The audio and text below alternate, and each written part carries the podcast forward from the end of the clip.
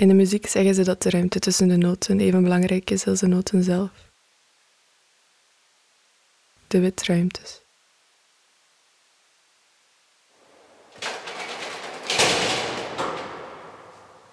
Een aflevering van Oorsprong begint met een vaste tune. Normaal gezien. Deze keer dus niet, en dat heeft alles te maken met de twee artiesten over wie deze podcast gaat: Irene Withoek en Thomas Werbroek. Zij zorgen voor de soundscape.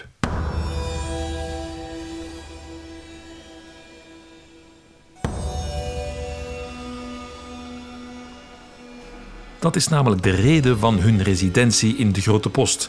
Ze maken een verhaal aan de hand van deze vraag: Hoe klinkt de Grote Post?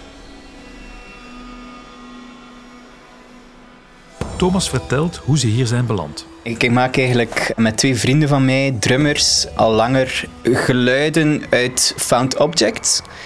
En ik wou dat aspect eigenlijk eens wat meer verkennen. Maar ik laat mijn leven ook leiden door toevalligheden. En die vrienden waren niet echt beschikbaar. En plots kwam ik Erin tegen in het OHK. En ik vertelde over het project en over andere dingen. En we hadden blijkbaar superveel gemeenschappelijk. En zo zijn we eigenlijk samen aan het project begonnen. Thomas is bekend in de alternatieve muziekscene.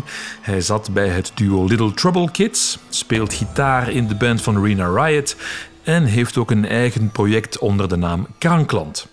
Het OHK waar hij over spreekt is een jeugdhuis hier in Oostende met ook werkruimtes voor jonge kunstenaars. En daar liep hij dus Erin tegen het lijf, een beeldend kunstenaar. Kende zij hem? Nee, en eigenlijk was dat ook wel heel speciaal, want ik woon in Brussel, maar ik was, mijn mama woont in Oostende en ik was hier voor een week. En uh, um, ik had liefdesverdriet.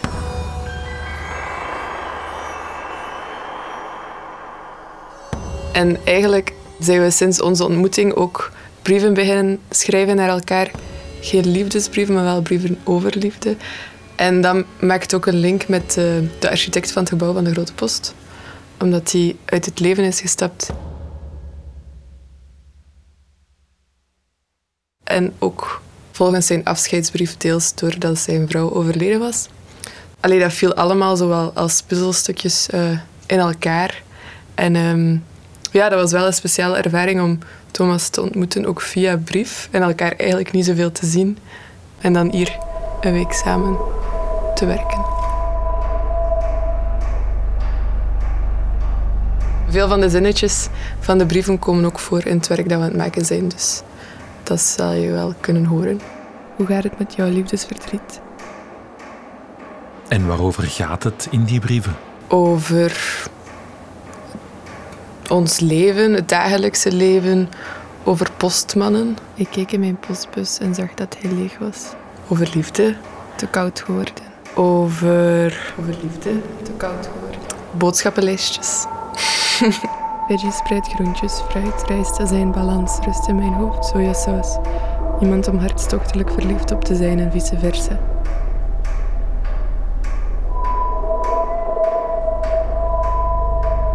Ja, ik, ik, begin ook echt wel trots te worden op het project, omdat we nog in twee dingen slagen waar ik eigenlijk wel naar zoek, vind ik. En dat is een beetje vertrekken vanuit het particuliere om iets universeel te vertellen.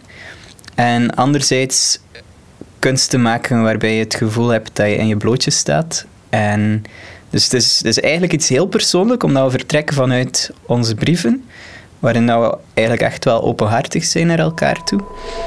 En tegelijk doen we ook wel ja, van alles met het postgebouw, met het verleden van het postgebouw, met de geluiden van het postgebouw natuurlijk. Ik zie dan beelden voor mij van het licht die verandert in het postgebouw door de zon die de tijd tekent in de architectuur van IJsselink. Ook met de, de plaats van het historische postwezen in de maatschappij. Uh, want mijn, mijn vader was postman. En uh, die is overleden toen ik 19 was. En ik heb hem eigenlijk niet zo heel goed gekend. Maar dat is eigenlijk ook deel van het verhaal. Een deel van mijn herinnering is dat het zo gewoon was. Ik had, ik heb, hij was zo gewoon dat ik eigenlijk geen herinneringen aan hem heb. Meestal wil je zo over je vader denken van, ah, wat een held was dat. En Maar ik heb dat niet. Ik heb geen held als vader. Ik had iemand die voor de post werkte en iedere dag naar zijn werk ging en dat heel braaf deed en heel goed voor zijn gezin zorgde. En ook, ja, ik denk dat dat wel plaatst in, in, zijn, in de tijdgeest van, van een persoon als hij.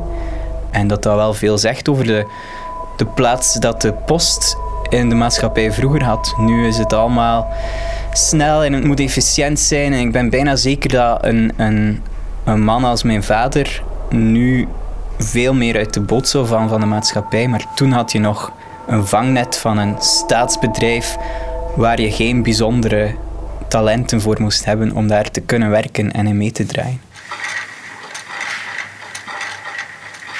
Er zijn geen grote anekdotes, geen verhalen. Hij was gewoon heel gewoon.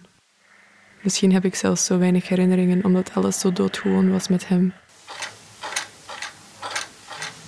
Ik heb eigenlijk veel geleerd, want we hebben ook een, een, postman geïnterviewd die hier nog gewerkt heeft vanaf het hele begin. Die heeft ook een boek geschreven over uh, de Oostense post. Maar die was ook aan het vertellen dat soms de postman meer wist over de mensen hun leven dan, dan de familie zelf. Dat hij wist waar hun pensioenboekje was, dat hij wist waar al hun brieven lagen. Um, omdat hij ja, zo vaak op bezoek kwam. Als hij brieven kwam leveren, dan vroegen mensen vaak om een koffietje of een druppeltje te drinken. En elke maand werd pensioen ook cash verdeeld. Um, dus vaak was de postman de enige persoon die, die iemand zag elke maand. Dus ja, dat was wel boeiend om, om, om daarover te leren. En ook wel een heel hard contrast met, zoals dat Thomas zegt, met vandaag. Eenheid van de wereld door de telefonie, telegrafie en postverkeer.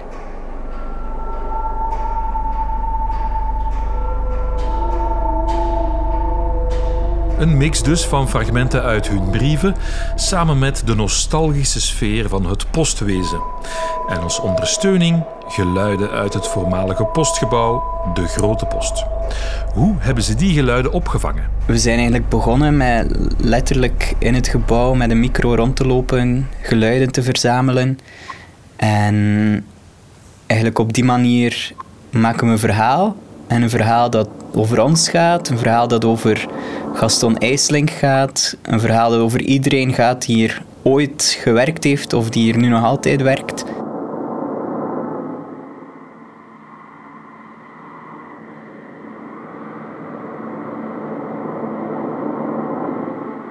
Wat we wel hebben gemerkt is dat dit gebouw gewoon een soort van standaard geluid heeft die er gewoon altijd is. Een soort motorisch iets. Er is nooit een volledige stilte, wat op zich ook wel interessant is. Maar het is ook een, een soort van uitdaging om, om verschillende soorten geluid uit het gebouw te halen. de eerste dag waren we heel mechanisch bezig, heel veel geslaan op dingen en zo. Maar dan hadden we de tweede dag het gevoel dat we meer melancholische geluiden moesten vinden en zoeken. En daar zijn we dan ook wel in geslaagd door op dingen te blazen of, of te strijken met een, met een viool. Hoe noem je dat? Strijk. ja.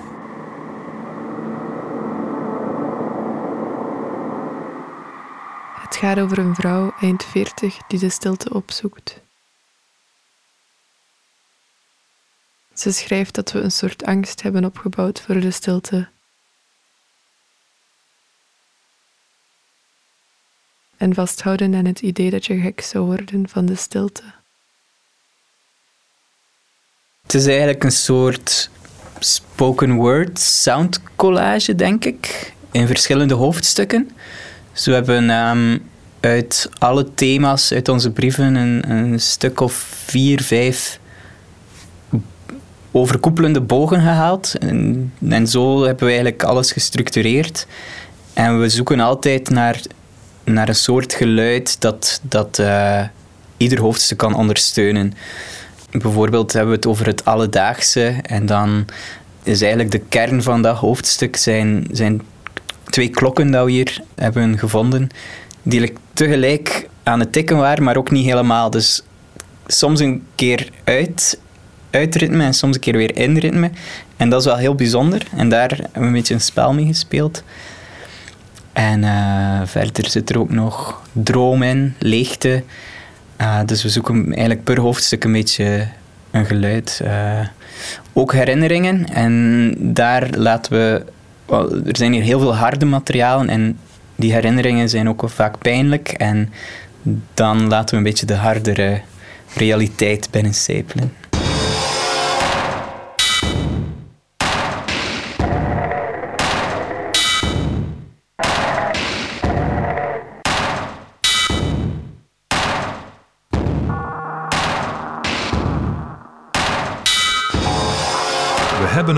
Tijd over geluid gehad.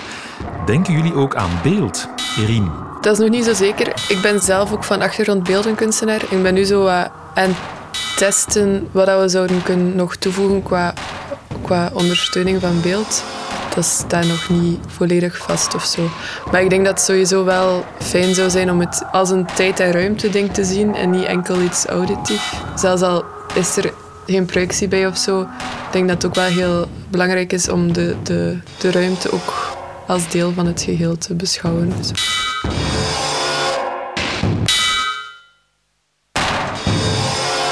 Hoe klinkt de grote post als je het gebouw en zijn geschiedenis condenseert via de microfoons en de breinen van Erin en Thomas? Je kon al flarden horen tijdens deze oorsprong, ik heb de hele soundscape kunnen beluisteren en hij is betoverend. Er is nog geen moment afgesproken waarop ze het publiek zullen uitnodigen, maar volgend jaar op het Kiem Festival is zeker een optie. We houden je op de hoogte. Misschien kan je dit project ook elders beluisteren. We hebben nog geen plannen gemaakt om het uit te brengen of zo. Of, uh, maar uh, er moeten andere postkantoren ons bellen en, en nee, nee, een brief schrijven. En dan gaan we dat overal te landen gaan doen. Het liefst van al wil ik nu gewoon verdwijnen.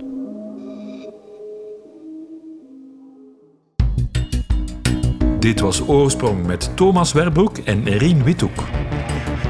Opname, stem en montage Ronald Verhagen. Compositie van de tune Sam Ruis.